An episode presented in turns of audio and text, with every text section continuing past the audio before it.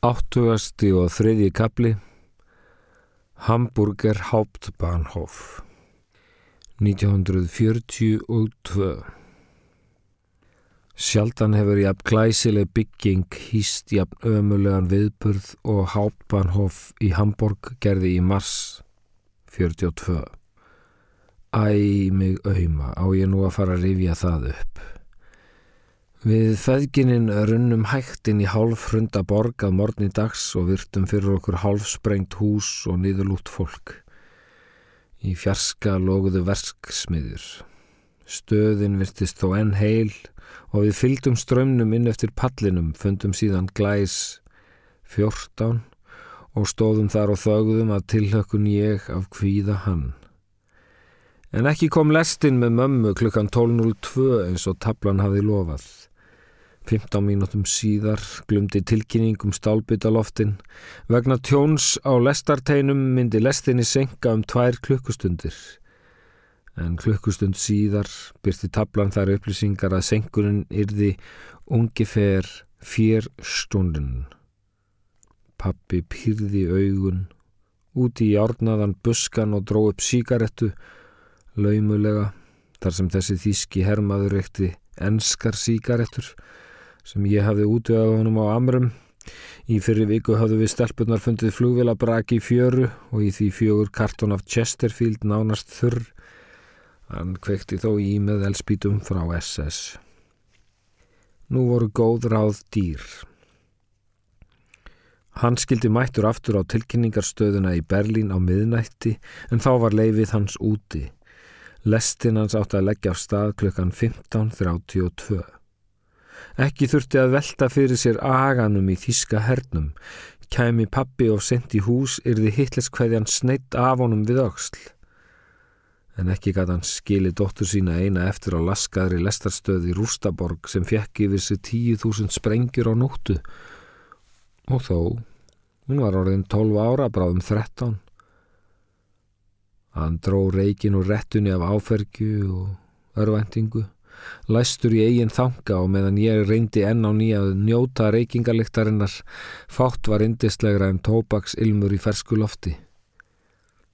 Pappi fleiði frá sér rettunni, steig á hana með hermanaskónum, en á ný rendi ég augum um glæsilegan búning hans og andvarpaði þungt um leið og hann góndi út eftir lestarteininum alla leið til Lübeck, helvítis helvíti. Þetta er allt í lægi, pappi, ég, ég get bara beði hér.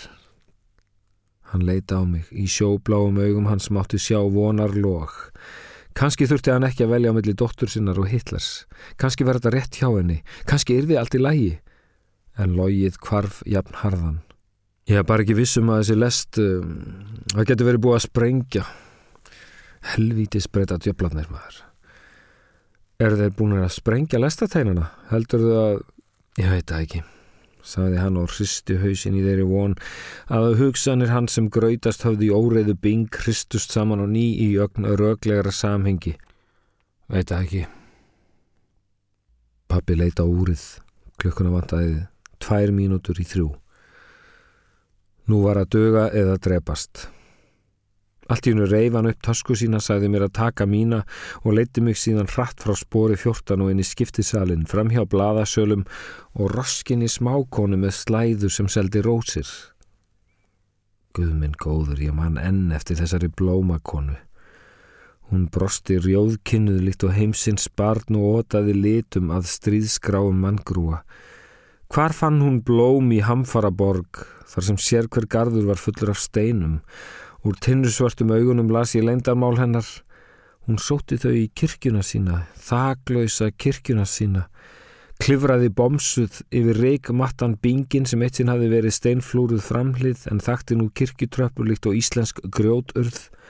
Og áfram inn gólfið tipplandi á þakbrótum inn í kór hvar hún fór á hnjefið alltarið og beigði sig bakvið það, stakk handlegg á kaf í hólubrót og hafði úr því rósir sem Guðin góður sendi henni ofan úr sínum himnagarði rörleiðis líkt og skeiti sendust hæða í millum á skrifstofum fyrir stríð.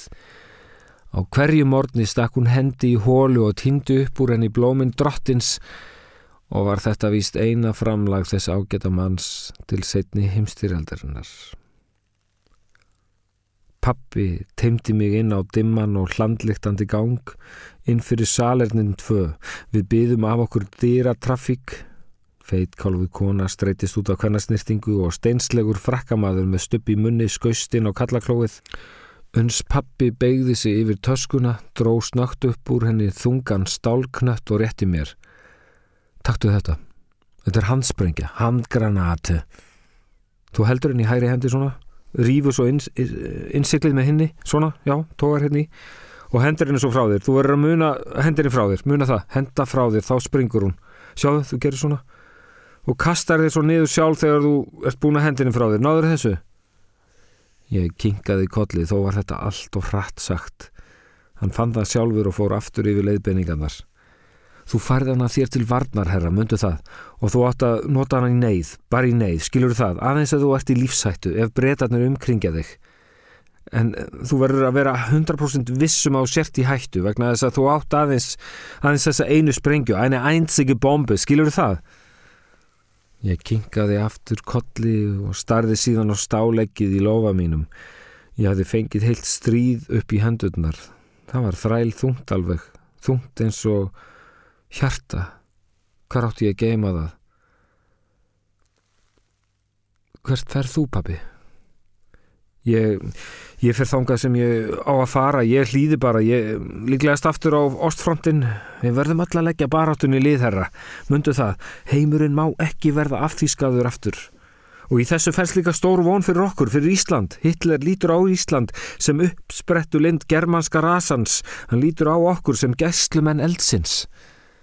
Um leið og hann sagði í síðustu orðin laukan lofum um vopnið og hönd mína hristi þau saman til áherslu auka gæstlumenn eldsins. Þegar hann losaði takið leiti ég á sprengjuna og leiðlikt og goðsögulegri stittu sem geymir lífsneistan. En uh, pappi, hver vinnur stríðið? Við auðvitað, Hitler. En hvenar? Í sumar. Þessu verður öllu lokið í sumar þegar við tökum Rúsland þá gefast hinnir upp. Við hittum svo í haust og flytjum öll til Moskvu. Það er búið að lofa mér stöðu við háskólan þar. Það verður stopnum ný deild í germansku fræðum og ég fæ norranna hlutan fyrir mig. Heimurinn er okkar, herra. Köpen, Bellin, Moskva. Hvernig líst þér á? Ekki nógu vel. Hann var að segja mér þetta í þriðja sinn og það með nákamlega sama orðalæginu. Hann verðist vita upp á sér sökina og bætti því við línu sem ég hafði ekki heyrt áður. Hugsaður, herra, Rústland. Þú verður glæsi dama í Garðaríki, stundar skauta á píano og egurum í hestvagni, í minkapelsum metropól eins og Anna Karenína. Allt í hennu hendist upp hurðin að kvennasalerninu og útkom vel tilhöfð nazista frú með afturendarsveiflu. Hún tók ekki eftir okkur en pappi spertist allur upp. Hérna, e, ekki held henni svona. Fólk má ekki sjá hana. Hérna, setjum hana bara í töskuna. En springur hún ekki ef... Getur hún ekki sprungið? Nei, ekki nefnum þú rjúir innsiklið. Nei, nei, hafða hana frekar í vasanum. Nei, og þá í töskunni er likla betra. Svona já. Þetta verður allt í lagi. Hitler er með þér. Og hér spurði barnið. Veit hann að ég er með þessa? Og barnið svaraði barninu. Fóringin fylgis með öllu. Hann er allstaðar. Hann veit allt. Og svo var hann aftur fullorðin og horfið langt inn í augun á mér. Hafðu það svo gott, herra mín. Pappi verður að fara. Og myndu að býða bara áfram á glæs 14. Þú rata þangað. Og ef lestin kemur ekki þá skaldu býða í billettverkáf. Okkur mömmuðinni sammæltist um að ef í hertfæri myndu við hittast þar í billettverkáf. Það það er sko miðarsalan. Það sem þið selja miðana í lestinnar, die farkarten. Þú veist það já, gott, já. Hún er hérna frammi í vandelsalum. Og svo greip hann um höfuð mér með báðum höndum. Það sem hann kröyp frammi fyrir mér á öðru hnínu og sagði í allt öðrum og íslenskari tóni Guð minn góður, barnið mitt. Í kallkerfinu glumdi tilkynningum brottfurlestar 235 til Berlínar frá glæs 9. Það var líka tilkynning um tár. Himinbláu augunans fylltust af sjó en hann faðmaði mig í kvelli áður en ég sæi flæða út úr þeim. Guð blessi þig og varðveiti barnið mitt. Ég, ég elska þig, þú, þú, þú veist það. Nú var hann farin að gráta komin stafur í röttina þú mátt aldrei gleym, gleyma því að pappi elskar þig Ég fann búk hans högta upp við minn en svo gamla bílvél við kaldan vaskassa. Hann skildi nú að hann ætlaði að skilja engadóttur sína aðleina eftir á lestarstöð í Stórborg upp á von og óvon, í miðju stríði, til þess eins að eiga möguleika á því að gera hana föðulösa. Ég greit ekki. Ég var komin með ábyrð, ég var orðin kindilberi hins germanska kynþáttar, gæslumadur eldsins. Ég gæti ekki leift mér að fella tár á það helgalóg. Guð veri með þér, sagði hann svo loks og létt snögglega af faðmlæginu, reyndi að stramma sig af með því að kingja tvís var að strjúka sterklega yfir andleitið. Hér var um hættu spil að ræða. Þótt hverki væri getið um slíkt í herreglum þriðja ríkisins vissi hann um tvo SS-menn sem hafðu verið lífláttnir fyrir það eitt að gráta. Jæja, ég verða að fara núna. Vertu sæl. Hann sveiplaði töskubandinu upp á aukslina, reys upp og gekk frá mér aftur á bak nokkur skref og leitt snögt á úrið. En áður en hann snýri frá mér sagði ég, Pappi, já, þú mátt ekki deyja. Þú mannst það? Hann fröys eitt tímans brot og opnaði munnin líkt og hann hegðist svara en lokaði honum jafn skjótt aftur. Ekki aðeins vegna þess að hann vissi ekki hvað hann gæti sagt heldur einning til varnar því að augun fylltust á ný. Hann tegði saman herptar varirnar í þvingað brós og hnussaði síðan yfir það líkt og hann teldi best að láta lífsandanum um að svara þessu svo var hann þóttinn á ostfrontin að handlanga fleiri handleggi átt til sólarupprásar Ég sá undir sóla hans þar sem hann hljóp útgangin. Þeir voru ljósir að lit en annar þeirra var svartbrendur af síkaretu drápi. Áttuasti og fjörði kapli Vænen verbóten 1942 Mamma kom ekki þann daginn og ekki um kvöldið. Lestinn kom lust eftir miðnætti, drattaðist eins og trjónubeigluðum moldvarpainn og stöðina og ældi frá sér flóði af andlitum. Ég hámaði í mig einn 17 á sekundu þar sem ég stóð sá svönga nývopnuð við spór nr. 14. Sérkver munnsvipur var mertur alvöru lífsins, fólkið rutti sér leið eftir pallinum, með viðarspengtum töskum líkt á tilkynnt hefði verið á eftir fimm minútur er því lestarstöðin sprengt í loft upp. Því lík merða fólki, því líkur haugur af augum, því lík ósköp af tifandi hjörtum. Það var líkt og hér kæmi heil lítil þjóðin og þraungan pall og ætti pantaðan tími í gasklefa síður um daginn. Hvað vildi allt þetta fólkin í brennandi borg? Af hverju forðaði það sér ekki út í skó og hókraði þar yfir rófum uns výlinan færi ósynilegum hlað og skildi þar eftir svartan áti bíl og hvita AEG þóttavel. Æ, elsku besta mamma mín, ég vissu þetta ekki lengur hvernig þú leist út. Hafði ekki séð þig í rúmt ár. Síðast í færju þorpunu dagabulli í líki smámingandi bryggjubrúðu sem varð loksað endapunkti bensku minnar. Ég reyndi eins og ég gata að hnúaða saman með augunum líkt og leirugum höndum hinnum miltasvip móður minnar úr öllum þessum ólíku andlitum, hár þaðan, nef hérðan, en það ímyndaða andlit umbreyttist, jafn harðan í önnur, auk þessum yfirskekk og derhúfur röskuðu leitmunni stöðugt. Hvernig gat Guð verið svona harneskjulegur, Hér hafði hann krist fram úr járnermi sinni 2000 konur og samt gata hann ekki látið svo lítið að leifa einni þeirra að vera mamma mín. Að lokum var ég farin að hata allar þessar þreyttu konur sem þrýstu sér utan úr náttsvertunni og inn í bjarmastöðvarinnar sem þó var höfð eins dimm og und var og þök hennar þakin yfir breyðslum til að villa um fyrir sprengjuflugmannum hennar hátegnar. Ég fyrtaði við þá laungun að varpa sprengjunu minni á þessa miskunalösu augna stöppu sem aldrei ætlaði að hætta að streyma inn á stöðina sem aldrei ætlaði að hætta að hæða mig með móðuleysi sínu. Loks stóð ég ein eftir á pallinum, ein í öllum teina salnum og velti því fyrir mér hvort mér leiðist eftir vill að gráta eilítið. en rak þá augun í skildi með gottnesku letri sem ég í geðsræðingu mislas vænen verbóten, allur grátur bannaður og snýri aftur inn í vandelhalli, leitaði þar að billettferkáf sem þá hafði auðvitað lokað það var komið vel yfir miðnætti. Ég púrraðist niður á skítugt steingólfið og hallaði mér upp að lestri hurð, starði örmagna á veggin gengt mér, myndspjald síndi fimm brosandi börn sem veifuðu bless út um lestarglugga.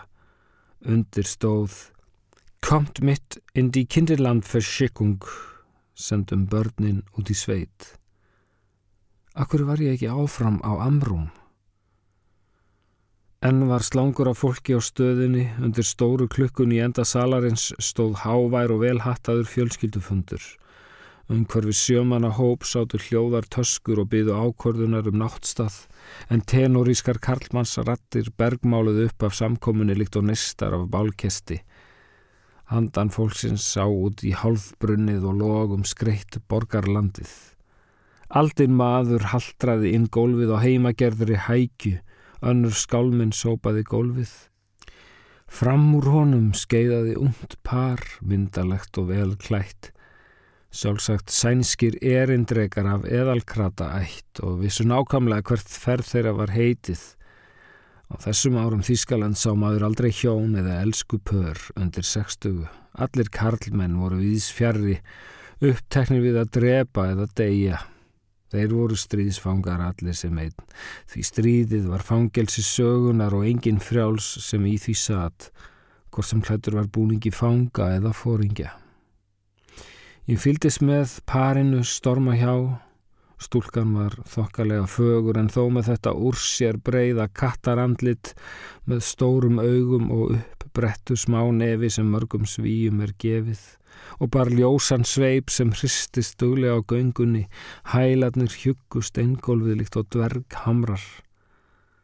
Það kvarlaði að mér að hveða fram eitt lítið norrænt Halló! Þetta var jú næstum mitt fólk, en ég fekk mig ekki til þess að raska því fagra mikilvægi sem frá parinu stafaði og leið mér þannig laungum gagvart svíum, jafnvel eftir að þrý slíkir höfðu beðið mín á skipsfjöl sömu nóttina. Þeir töldu sig öðrum þjóðum betri og voru það auðvitað. Eftir að hafa hersetið halva Evrópu fyrir og öldum hafðu þeir óvænt útskrifast frá allri stríðslöngun og letu sér nú næja að framleiða eh, svo kvöldu hlutles vopn öðrum til nota og fjármagna svo friðarvelun og Nobels til friðunar á samviskubitunum sem fylgdi. Ungi maðurinn gaut á mig auga um að þau flýttu sér hjá og hvað sá hann nema yfirgefið Ísland út í horni, rakið og skítugt hrófatildur á bláu pilsi, umkomulust fyrir læstum dyrum heimsins. Ég horfi á eftir þeim skunda austan megin út úr salnum, nóttin er þeim hliðhóll. Í sænsku konsulatsrúmi er þeim hlýft við öllum bombum og gæfist í silkinu tóm til að geta eitt raungáfað ráð herra efni. Já, sveimir ef þetta voru ekki verðandi foreldrar Jörans Persson. Stuttu síðar stóð yfir mér vopnaður vörður, gott ef ekki hermaður.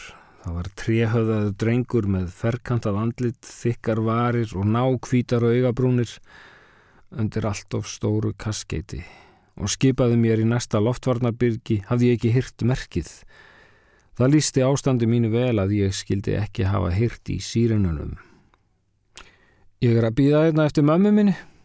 Hún, hún er fangavörður í fullsputtelbúðunum en fær frí um helgina. Við ætlum að, að fylgjast með loftárásunum. Með handsprengju í farangrinum hafði ég öðlast sjálfströst.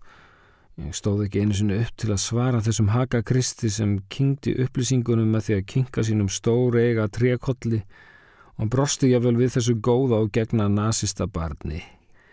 Samt sem áður bjóstan til að segja en uh, þegar sprengja tók af honum orðið við snýrum bæði höfði út eftir salnum við enda hans föðraði fjölskylduföndurinn upp og fólkið greip töskur sínar út í rústamirkrinu vaknaði eldur og í nálægum fjarska mátti heyra hneggið í stélum næstu sprengna Þar sem þær skáru náttloftið lóðurétt svo myndi á hrossagaugin okkar heima og síðan kváðu við skerandi dingir er þær gerðu sín hrana hreyður í húsþög og hafnarskemmur.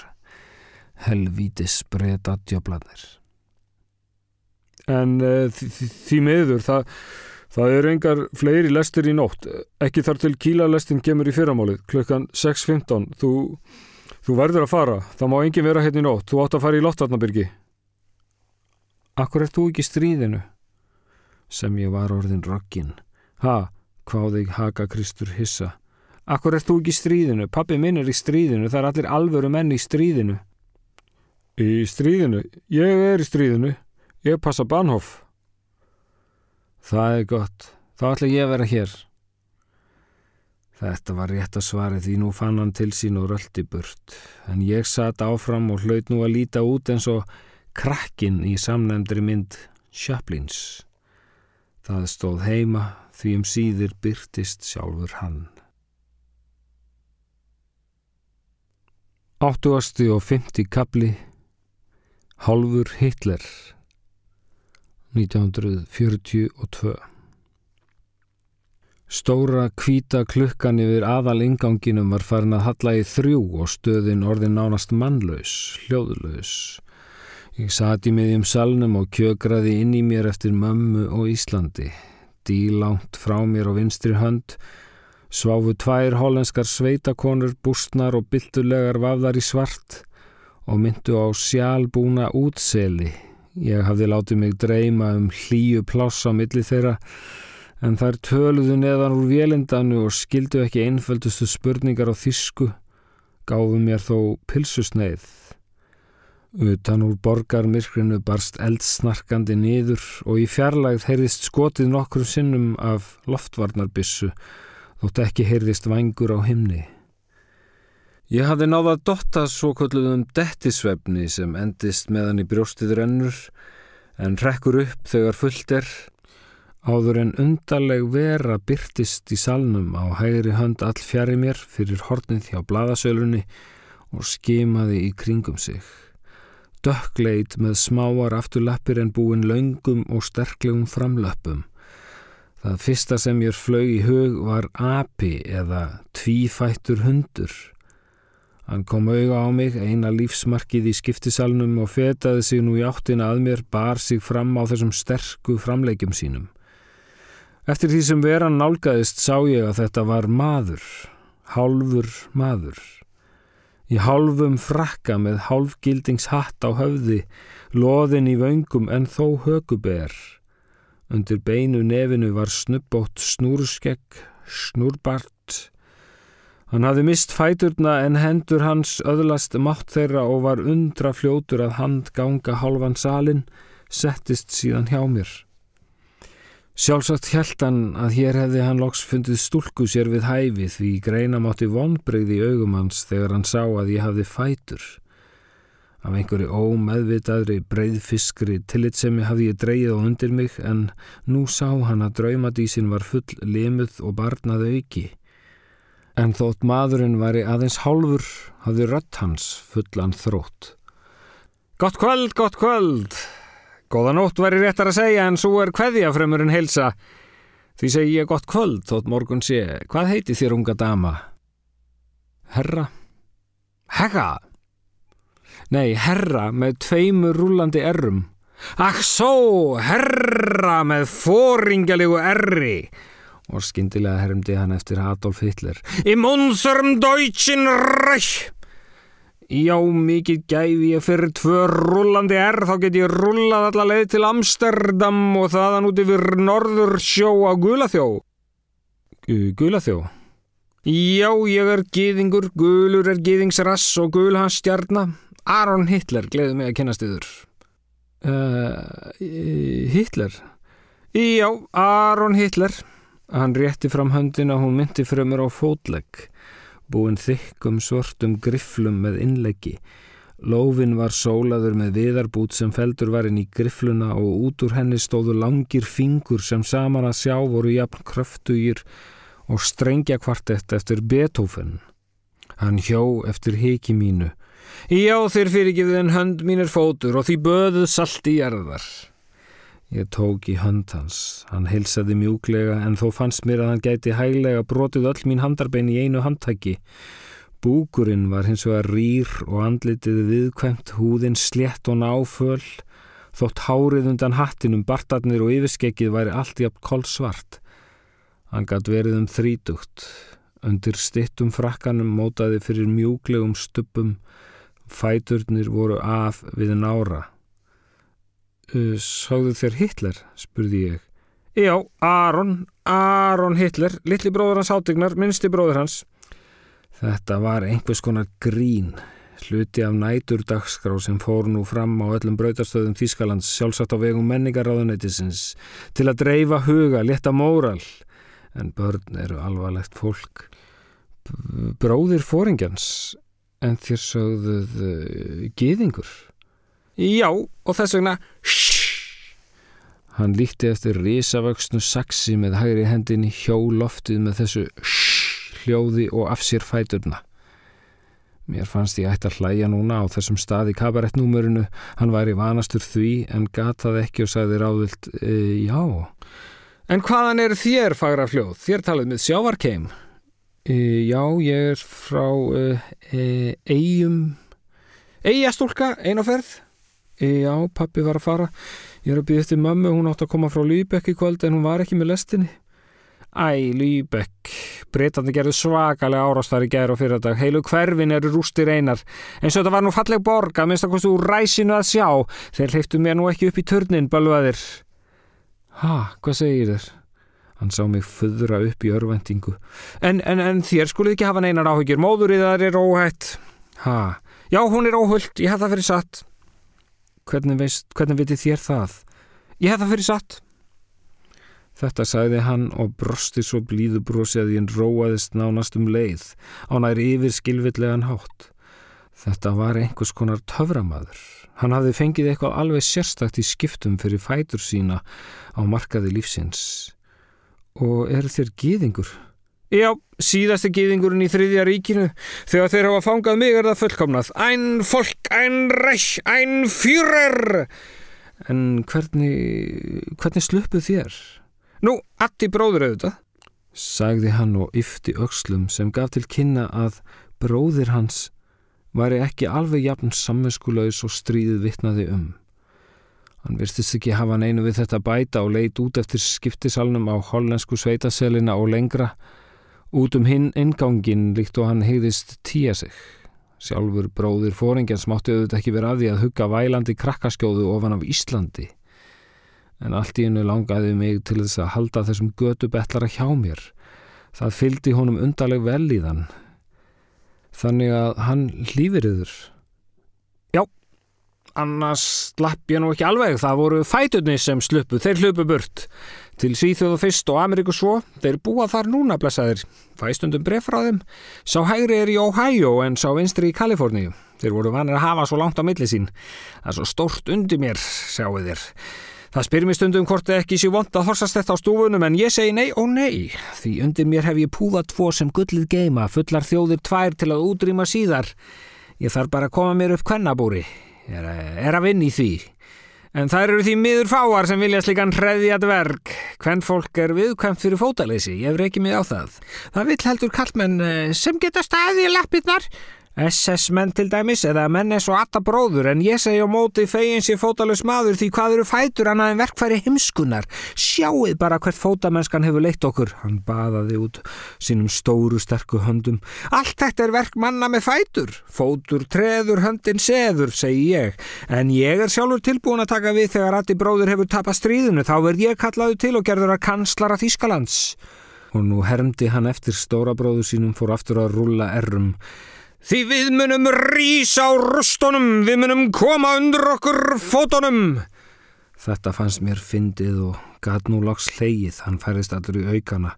Því hver annar en ég er færum að leiða hérna þýsku þjóð upp úr djúpi sinnar mestu örvæntingar, maður sem þekkir botnin af eigin raun.